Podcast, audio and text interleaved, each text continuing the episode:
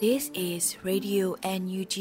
the voice of National Unity Government of Myanmar, broadcasting for Myanmar's Spring Revolution. Radio NUG is transmitting from shortwave 16 meter 17.79 megahertz at 8:30 a.m. and 25 meter 11.94 megahertz at 8:30 p.m. Myanmar Standard Time. မင်္ဂလာပါရှင်။အမျိုးသားညီညွတ်ရေးအစိုးရရဲ့အတန်လွတ်ဌာန Radio NUG ကိုမန္တပိုင်း၈နိုင်ခွဲမှာလိုင်းတူ6မီတာ19.7 MHz နဲ့ညပိုင်း၈နိုင်ခွဲမှာလိုင်းတူ25မီတာ17.6 MHz တို့မှာဓာတ်ရိုက်ဖမ်းယူနားဆင်နိုင်ပါပြီရှင်။မင်္ဂလာအပေါင်းနဲ့ပြည့်စုံကြပါစေ။အခုချိန်ကစပြီး Radio NUG စီစဉ်လေးကိုဓာတ်ရိုက်အတန်လွှင့်ပေးနေပါပြီ။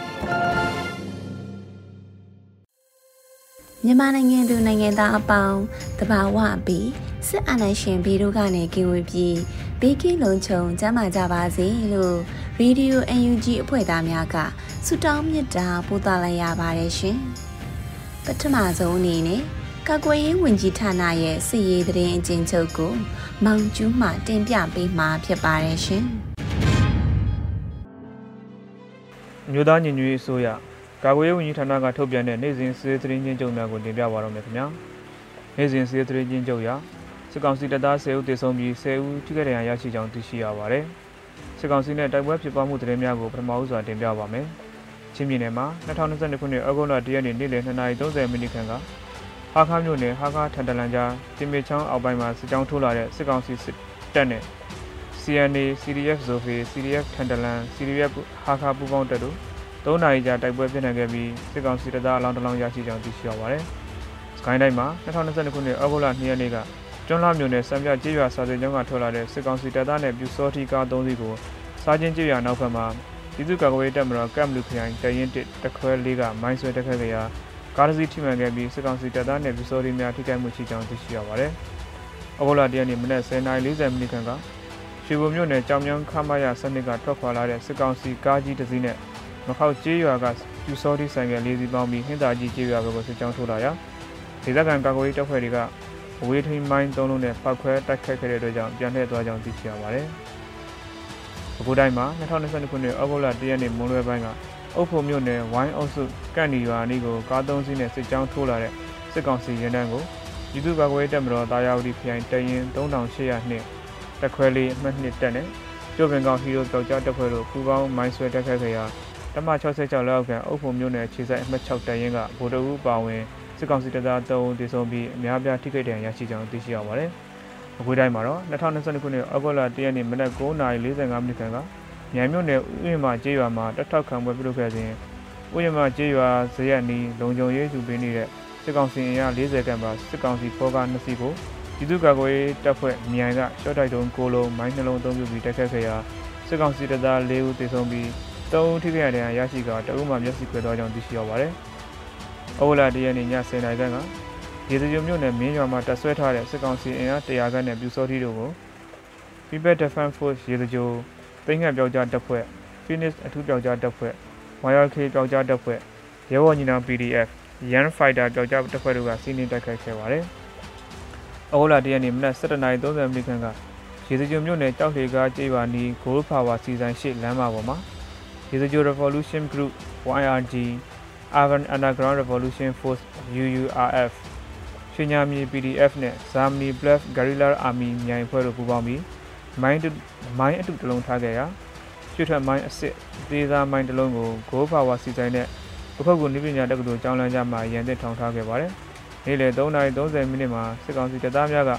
မိုင်းအတုကိုတနက်နဲ့အချက်ပေါင်း90နီးနီးလာရောက်ပစ်ခတ်ပျက်စီးခဲ့ပြီးမိုင်းစစ်အနီးသို့ရောက်ရှိတဲ့တွင်ဖောက်ခွဲတိုက်ခတ်ခဲ့တဲ့ကြောင့်စစ်ကောင်စီတပ်သား၃ဦးထိခိုက်ဒဏ်ရာရရှိကြောင်းသိရှိရပါတယ်။ရန်ကုန်တိုင်းမှာတော့2022ခုနှစ်ဩဂုတ်လ1ရက်နေ့မနက်9:03မိနစ်ခန့်ကခရမ်းမြို့နယ်ရှိစစ်ကောင်စီတပ်သား40ကျော်တပ်ဆွဲထားတဲ့တက်တော်စစ်စေးဂိတ်ကိုခရမ်းမြို့နယ်ပြည်သူ့ကာကွယ်ရေးတပ်ဖွဲ့ PDF ခရမ်းကဘုံပစ်ခတ်တိုက်ခိုက်ခဲ့ရာစစ်ကောင်စီရဲ့ထိခိုက်ထုတ်ပြန်ချက်အရ စစ်ကောင်စီတပ်သား2ဦးသေဆုံးပြီး3ဦးထိခိုက်ဒဏ်ရာရရှိကတဦးမှာအပြင်းထန်ဒဏ်ရာရရှိသွားကြောင်းသိရှိရပါတယ်။စစ်ကောင်စီကကျူးလွန်တဲ့ရာဇဝတ်မှုများအကြောင်းကိုဆက်လက်တင်ပြပါမယ်ခင်ဗျာ။ရခိုင်ပြည်နယ်မှာ2022ခုနှစ်ဩဂုတ်လ1ရက်နေ့မနက်9:00နာရီခန့်ကအမ်းမြို့နယ်တမိုင်ကုန်းစစ်စေးရိတ်ဂိတ်မှာတောင်ကုတ်ကလိုက်ပါလာတဲ့မြောက်ဦးမြို့နယ်စင်ချစစ်ရပ်ကွက်ကလူငယ်တို့ကိုတောင်ပေါ်ရှူရင်းကိုဓာတ်ပုံရိုက်မိတဲ့အတွက်စစ်ကောင်စီတပ်ဖွဲ့ဝင်များကဖမ်းဆီးခဲ့ကြောင်းသိရှိရပါတယ်။ရှမ်းပြည်နယ်မှာ2022ခုနှစ်ဩဂုတ်လ1ရက်နေ့က ရန်ကုန်မြို့နယ်အလွမ်းတောင်နီမှာတာစီနယ်တောက်ချုပ်စခန်းကတင်းချောင်လာတဲ့မင်းရမြို့နယ်နွားခွေရွာသား2ဦးနဲ့နွားခွေရွာအလွမ်းတောင်ကားလမ်းမှာပဲဈေးဆိုင်ကအမျိုးသမီး2ဦးတို့ကိုစစ်ကောင်စီတပ်ဖွဲ့ဝင်များကဖမ်းဆီးသွားခဲ့ပါတယ်။စကိုင်းတိုင်းမှာ2022ခုနှစ်ဩဂုတ်လ1ရက်နေ့နေ့လယ်2:12မိနစ်ခန့်ကရွှေဘုံမြို့နယ်စီကုန်းလေးကျေးရွာကိုရွှေဘုံမြို့ကစစ်ကောင်စီတုံးအိမ်စီကားနှစ်စီးနဲ့ရောက်ရှိလာပြီးကိုကျော်ဝင်းဆိုသူရွာသားတို့ကိုဖမ်းဆီးခေါ်ဆောင်သွားခဲ့ပါတယ်။ဩဂုတ်လ1ရက်နေ့နေ့လယ်3:30မိနစ်ခန့်က ရွှေဘုံမြို့နယ်ရွှေဘုံမြို့အနောက်ဘက်ထွက်မူသုံးကွာထိပ်ဝက်ခုံဟောင်းနီမှာရွှေဘုံမြို့ကအိမ်စီကားနှစ်စီးနဲ့ထွက်လာတဲ့စစ်ကောင်စီတပ်သားများဟာငားများနေတဲ့ရဲသားပြည်သူ9ဦးကိုလက်ကျန်ကျိုးတုပ်ထူထောက်ခိုင်းကဖမ်းဆီးစစ်ဆေးခဲ့ပြီးညနေ4:50မိနစ်မှာပြန်ဆုတ်ပေးခဲ့ပါတယ်။မန္တလေးတိုင်းမှာတော့2022ခုနှစ်ဩဂုတ်လ1ရက်နေ့မွန်လွယ်ပိုင်းကကစုံမြို့နယ်ရွာတစ်ကုန်းကြီးရွာကပြည်သူတို့ကိုစစ်ကောင်စီများကတနက်နဲ့ပစ်ခတ်ဖမ်းဆီးခဲ့ကစုစုပေါင်းလူငယ်9ဦးကိုဖမ်းဆီးသွားခဲ့ကြောင်းသိရှိရပါတယ်။ ရန်ကုန်တိုင်းမှာတော့2022ခုနှစ်ဩဂုတ်လ1ရက်နေ့ည7:00နာရီခန့်ကမင်္ဂလာတုံမြို့နယ်ထောက်ကျမ်းမြို့ဖျားလေးကွင်းမှာစစ်ကောင်စီအဖွဲ့ဝင်များကဆိုင်ကယ်များကိုဖမ်းဆီးခဲ့ရာပြည်သူတို့ကိုဆိုင်ကယ်ရက်မပြုဆိုကတနက်နဲ့ပစ်ခတ်ခဲ့တဲ့အတွက်ကြောင့်တည်ဆုံသွားခဲ့ပါတယ်။ဩဂုတ်လ1ရက်နေ့မနက်10:30မိနစ်ခန့်ကလှိုင်မြို့နယ်16ရပ်ကွက်အုတ်ကျင်းပူတာယုံလမ်းပန်းလာလက်ဖိတ်ဆိုင် private room မှာထိုင်နေတဲ့မျိုးသားနှုတ်ကိုပစ္စတိုကင်ဆောင်ထားတဲ့ရဲဝေမြေများကဖမ်းဆီးသွားခဲ့ပါတယ်။ အိုလာတရနေ့မနက်10:00နာရီခန့်ကတောင်ပင်မြို့နယ်မှာစစ်ကောင်စီအဖွဲ့ဝင်များကအဲဇင်းစစ်စီယာတိုက်တိုက်တိုက်ကလူငယ်မျိုးသား2ဦးနဲ့အမျိုးသမီး2ဦးတို့ဖမ်းဆီးခံခဲ့ရကြောင်းသိရှိရပါတယ်။တနင်္သာရီတိုင်းမှာ2022ခုနှစ်ဩဂုတ်လ1ရက်နေ့ကပူလောမြို့နယ်ပလမြို့မှာစံတင်ရောင်းနေတဲ့ညီကို2ဦးနဲ့မိဆွဲခေါ်တဲ့အမျိုးသမီး2ဦးတို့ကိုကျဲရွာမှာစံဝယ်များတယ်ဟုဆိုကစစ်ကောင်စီတပ်သားများကအကြောင်းမဲ့ဖမ်းဆီးခဲ့ပြီးညီကိုနှစ်ဦးကိုခလာရ285ကို၎င်းကျဲရွာကအမျိုးသမီးကိုမြိတ်တော်၎င်းဖမ်းဆီးခေါ်ဆောင်သွားခဲ့ပါတယ်။ အဝလာတရက်နေ့ကရေဖြူမြို့နယ်ပူကောစွန်းကျေးရွာမှာစစ်ကောင်စီတပ်သားများကရွာသား2ဦးနဲ့ရလှိုင်ကျေးရွာကရွာသား2ဦးကိုအကြောင်းမဲ့ပစ်တက်ခဲ့ကြောင်းသိရှိရပါတယ်။ခုတင်ပြခဲ့တဲ့နေ့စဉ်စီးရီးသတင်းချင်းချုပ်ကိုရေပြင်သတင်းတာဝန်ခံများနဲ့သတင်းဌာနများကဖော်ပြထားတဲ့အချက်အလက်များပေါ်အခြေခံပြုစုထားတာဖြစ်ပါတယ်။ကျွန်တော်မောင်ကျူပါ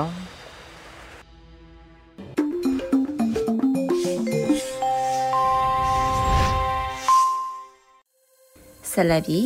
Radio UNG ရဲ့နောက်ဆုံးရသတင်းများကို Airy မှဖက်ကြားတင်ပြပေးပါမယ်ရှင်။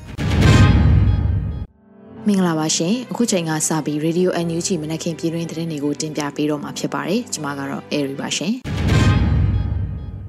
စစ်ကောင်စီရဲ့လုပ်ရကြောင့်လူတို့ဟာဘဝလုံခြုံရေးနဲ့စာဝတ်နေရေးအခက်အခဲတွေအလွန်အမင်းကြီးထွားလာတယ်လို့ယာယီသမရပြောကြားလိုက်တဲ့သတင်းကိုတင်ပြပေးပါမယ် စစ်ကောင်စီရဲ့လုပ်ရကြောင့်လူတို့ဟာဘဝလုံခြုံရေးနဲ့စာဝတ်နေရေးအခက်အခဲတွေအလွန်အမင်းကြီးထွားလာတယ်လို့ဩဂုတ်လ2ရက်နေ့ကကျင်းပပြုလုပ်တဲ့အမျိုးသားညီညွတ်ရေးအစိုးရရဲ့62ကြိမ်မြောက်အစိုးရအဖွဲ့အစည်းအဝေးကျင်းပရာမှာယာယီသမရဒူဝါလက်ရှိလာကပြောကြားလိုက်ပါတယ်။ လက်ရှိပြည်သူလူထုဟာနေ့စဉ်နေ့တိုင်းစားဝတ်နေရေးပြဿနာအခက်အခဲနဲ့ကြုံတွေ့နေကြရပါတယ်။စစ်ကောင်စီရဲ့လုပ်ရကြောင့်လူထုဟာဘဝလုံခြုံရေးနဲ့စားဝတ်နေရေးအခက်အခဲတွေအလွန်မင်းကြီးထွားလာပါတယ်။မြို့တွေပေါ်မှာလည်းရာဇဝတ်မှုတွေနေ့စဉ်လိုလိုဖြစ်ပွားနေတာတွေ့ရပါတယ်။လက်ရှိစစ်ကောင်စီအနေနဲ့စစ်ရေးအကြက်တဲနဲ့ဗန္ဒာရေးအကြက်တဲကြီးမားစွာကြုံတွေ့နေရတာကိုတွေ့ရပါတယ်။အထူးသဖြင့်2022ခုနှစ်နှစ်လယ်ပိုင်းမှာစစ်ကောင်စီအတွက်ဗန္ဒာရေးအကြက်တဲအင်မတန်ကြီးထွားလာတာကိုတွေ့ရပါတယ်လို့ယာယီသမရကဆိုပါတယ်။ လက်ရှိမှာစောင်းစီဈေးနှုန်းတာမကပဲရေစည်းကနဲ့အထွေထွေကုန်ဈေးနှုန်းတွေပါကြီးမြင့်လာတာကြောင့်လူထုဟာအခက်အခဲတွေနဲ့ကြုံတွေ့နေကြရပါတယ်ရှင်။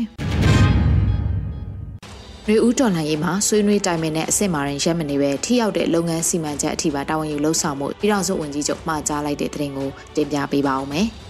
အော်ဂိုလာ2ရက်နေ့မှာကျင်းပတဲ့အစိုးရအဖွဲ့အစည်းအဝေးမှာပြည်ထောင်စုဝန်ကြီးချုပ်မန်ဝင်းခိုင်တန်းကနေဦးတော်လှန်ရေးမှာဆွေးနွေးတိုင်ပင်တဲ့အစ်စ်မာရင်ရက်မနေပဲထိရောက်တဲ့လုပ်ငန်းစီမံချက်အထိပါတာဝန်ယူလှုပ်ဆောင်ကြဖို့အစိုးရအဖွဲ့ကမှာကြားလိုက်ပါတယ်။ ကျွန်တော်တို့နေဦးတော်လှန်ရေးအင်အားစုတွေအတွက်အချိန်ကအကန့်အသတ်ရှိပါတယ်။ဒါကြောင့်ဆွေးနွေးတိုင်ပင်မှုတွေကိုဆွေးနွေးတဲ့အဆင့်မှာပဲရက်မနေပဲအကောင့်ထဲဖော်နိုင်မှုအတွက် action plan တွေအထိပါတခါတည်းစဉ်းစားပြီးဒီတာဝန်ကိုဘယ်ဝင်ကြီးဌာနကတာဝန်ယူနိုင်မယ်ဆိုတာမျိုးအလုတ်ခွဲဝေမှုတွေပါတေချာစီစဉ်သင့်ပါတယ်။တော်လှန်ရေးကာလမို့အရေးမကြီးတဲ့အလုပ်ဆိုတာမရှိပါဘူးလို့ဝန်ကြီးချုပ်ကဆိုပါတယ်။ဒါအပြင်မဟာမိတ်ဆက်ဆံရေးကော်မတီအနေနဲ့လည်းမဟာမိတ်တွေနဲ့ဆက်ဆံရေးတည်ဆောက်ရမှာ formal ချင်းကပ်လှုပ်ဆောင်ရမှာရှိတယ်လို့ informal အနေနဲ့ရင်းနှီးကျွမ်းဝင်သူတွေကတဆင့်မဟာမိတ်တွေရဲ့အတန်တွေကိုရင်းရင်းနှီးနှီးနားထောင်ကြည့်ဖို့လည်းလိုအပ်မှာဖြစ်တယ်လို့ပြည်ထောင်စုဝန်ကြီးချုပ်ကထပ်လောင်းပြောကြားခဲ့ပါတယ်ရှင်။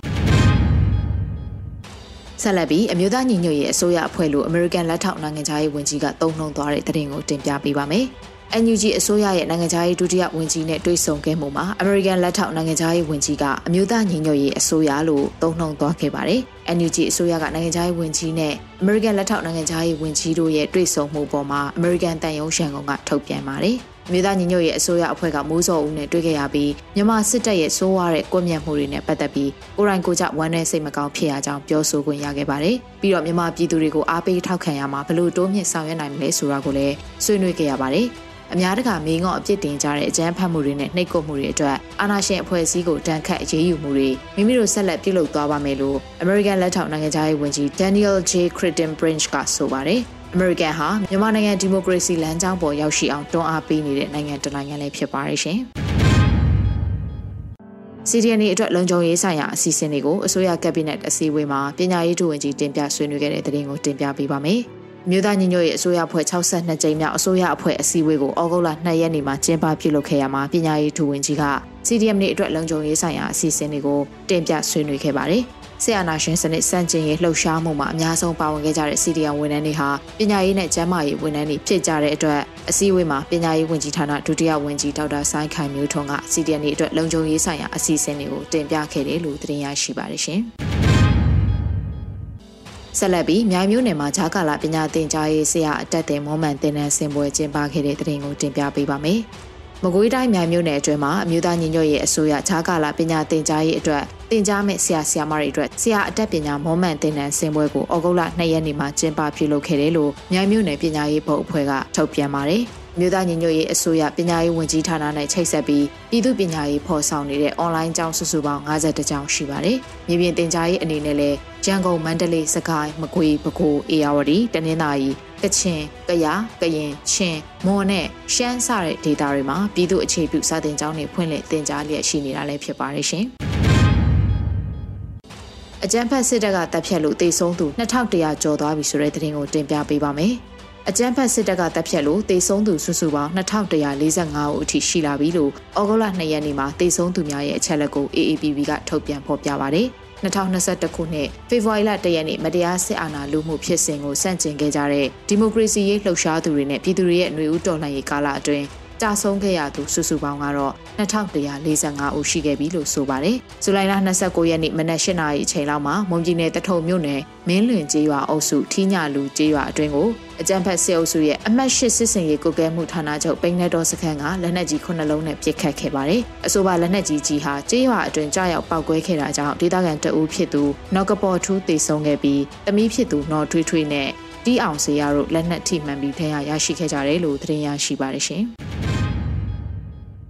ဆက်လက်ပြီး KA အမျိုးအစားနဲ့အသုံးပြုရနိုင်တဲ့လက်လုံအီနာကဘုံသည့်အမျိုးအစားထုတ်လုပ်အောင်မြင်တယ်လို့မင်းလာ PDF အသိပေးလိုက်တဲ့သတင်းကိုတင်ပြပေးပါမယ်။ KA အမျိုးအစားနဲ့အသုံးပြုနိုင်တဲ့လက်လုံအီနာကဘုံသည့်အမျိုးအစားထုတ်လုပ်အောင်မြင်ခဲ့တယ်လို့ဩဂုတ်လ2ရက်နေ့မှာ Upper Minla People Defense Force မင်းလာ PDF ကဆိုပါတယ်။ ကျွန်တော်တို့မင်းလာ PDF နဲ့မကွေးတောင်ပိုင်း PDF တို့ပူးပေါင်းပြီးလက်နက်ခဲယမ်းတွေတီထွင်ထုတ်လုပ်လျက်ရှိပါတယ်။အခုချိန်မှာ KA အမျိုးအစားနဲ့အသုံးပြုလို့ရနိုင်တဲ့လက်လုံအီနာကဘုံသီးအမျိုးအစားတစ်မျိုးကိုအောင်မြင်စွာထုတ်လုပ်နိုင်ခဲ့ပြီဖြစ်ပါတယ်လို့ဆိုပါတယ်။နောက်ထပ်တီထွင်မှုတွေကိုပြုလုပ်နိုင်ဖို့အတွက်အချိန်နဲ့အမျှစူးစမ်းအားထုတ်လျက်ရှိပါတယ်လို့လည်းဆိုထားပါတယ်။အခုတင်ပြပေးခဲ့တဲ့သတင်းတွေကိုတော့ Radio NUG သတင်းတောင်မင်းမင်းကပေးပို့ထားတာဖြစ်ပါတယ်ရှင်။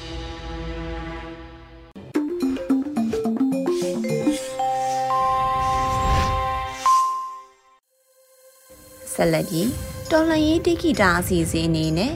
Adbound Entertainment ရဲ့မူဝေးတော်တဲ့တနည်းလိုအမည်ရှိတဲ့သချင်းကိုခန်းစားနာဆင်ကြရမှာဖြစ်ပါတယ်ရှင်။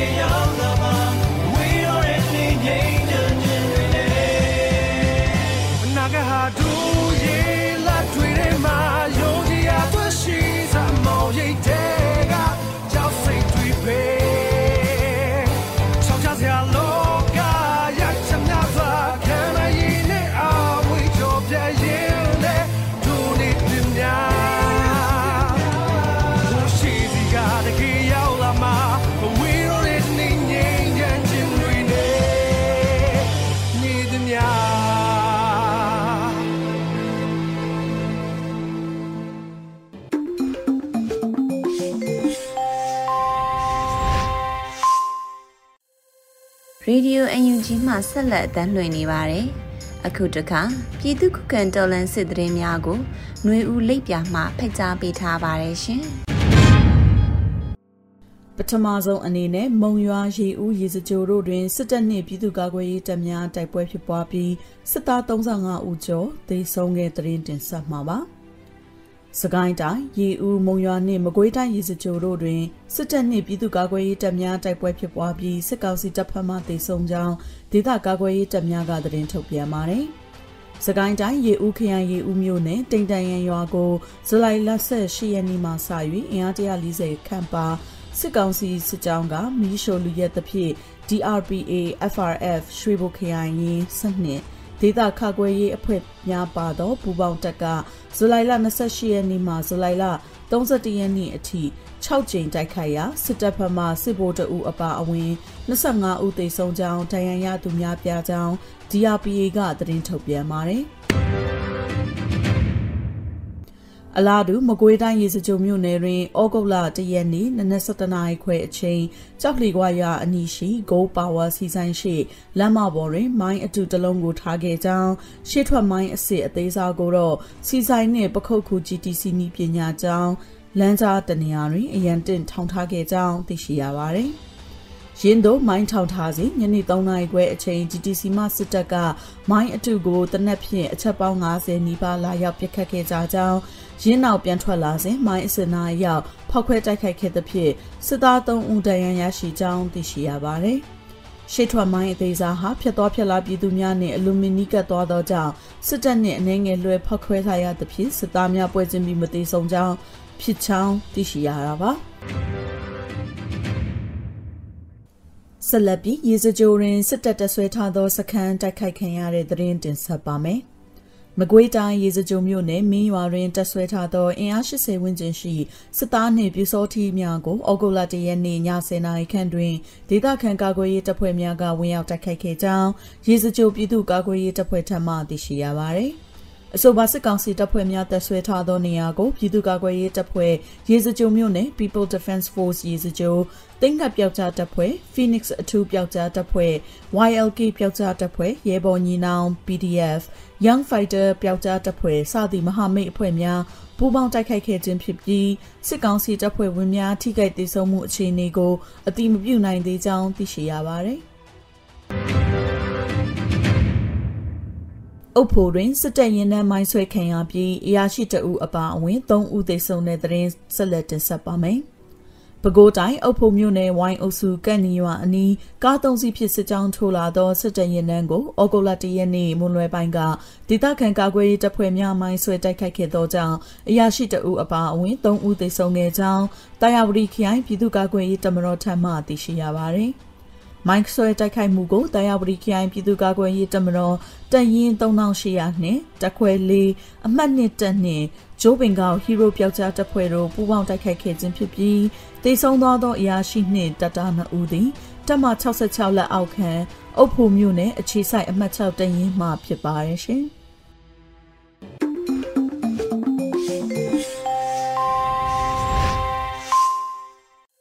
Radio UNG သောတာရှင်များရှင် PVTV ရဲ့နေ့စဉ်သတင်းများကိုတော့ထထအင်ဒရာအောင်မှဖက်ကြားတင်ပြပေးထားပါတယ်ရှင်ပထမဆုံးတင်ဆက်ပေးမှာကတော့အမျိုးသားညီညွတ်ရေးအစိုးရ62ကြိမ်မြောက်အစိုးရအဖွဲ့အစည်းအဝေးပြုလုပ်တဲ့ဆိုတဲ့သတင်းမှာ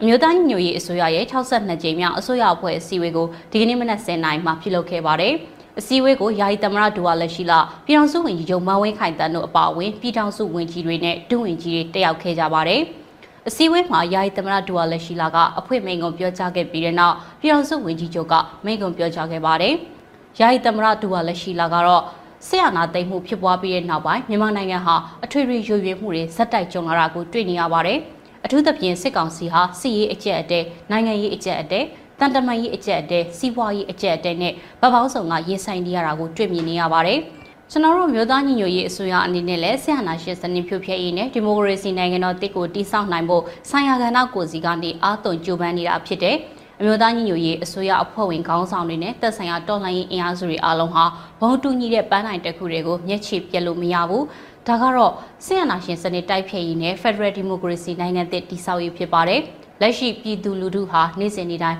စာဝတ်နေရေးပြဿနာအခက်အခဲနဲ့ကြုံတွေ့နေရတာပါ စစ်ကောင်စီရဲ့လုပ်ရကြောင်းလူထုဟာဘဝလုံခြုံရေးနဲ့စာဝတ်နေရေးအခက်အခဲတွေအလွန်အမင်းကြီးထွားလာပါတယ်မြို့ပေါ်တွေမှာလည်းရာဇဝတ်မှုတွေနေ့စဉ်လိုလိုဖြစ်ပွားနေတာကိုတွေ့ရပါတယ်လက်ရှိစစ်ကောင်စီအနေနဲ့စစ်ရေးအကြက်အတဲနဲ့ဗန်နာငွေအကြက်အတဲကြီးမားစွာကြုံတွေ့နေတာကိုတွေ့ရပါတယ်အထူးသဖြင့်2022ခုနှစ်နှစ်လယ်ပိုင်းမှာစစ်ကောင်စီအတွက်ဗန်နာရေးအကြက်အတဲအင်မတန်ကြီးထွားလာတာကိုတွေ့ရပါတယ်လို့ပြောကြားခဲ့ပါတယ်။ ဒါအပြင်မြို့သားညီညွတ်ရေးအစိုးရအဖွဲ့ဝင်တွေအနေနဲ့ပုံမှုစီလုံးအားကောင်းတဲ့မဟာမိတ်ညီညွတ်ရေးအင်အားစုကိုသဘောထားကြီးကြီးနဲ့ဆက်လက်တည်ဆောက်ဖို့လိုတယ်ဆိုတာနဲ့ဒီမိုကရေစီနဲ့ဖက်ဒရယ်စနစ်ကိုလိုလားထောက်ခံတဲ့နိုင်ငံတကာအစိုးရအတိုင်းအဝန်နဲ့ ဆက်ဆံရေးခိုင်ခိုင်မာမာဖြစ်စေဖို့နေပယ်ကဏ္ဍအသီးသီးကနေစ조사လှုံ့ဆော်ကြဖို့မိဖက်ဖြစ်နိုင်တဲ့အင်အားစုတွေကိုဖက်ဒရယ်ဒီမိုကရေစီတန်ဖိုးတွေနဲ့အခြေခံစံတန်ဖိုးတွေအဖြစ်ထားပြီးတော့မဟာဗျူဟာကြကြစီယုံကြဖို့တိုက်တွန်းထားတာကိုတွေ့ရပါတယ်။ပြည်ထောင်စုဝန်ကြီးချုပ်မန်းဝင်းခိုင်တန်းကလည်းမဟာမိတ်ဆက်ဆံရေးကော်မတီအနေနဲ့လည်းမဟာမိတ်တွေနဲ့ဆက်ဆံရေးတည်ဆောက်ရမှာ formal ချင်းကလှုပ်ဆောင်ရမှာရှိတယ်လို့ informal အနေနဲ့ရင်းနှီးကျောင်းဝင်သူတွေကနေတဆင့်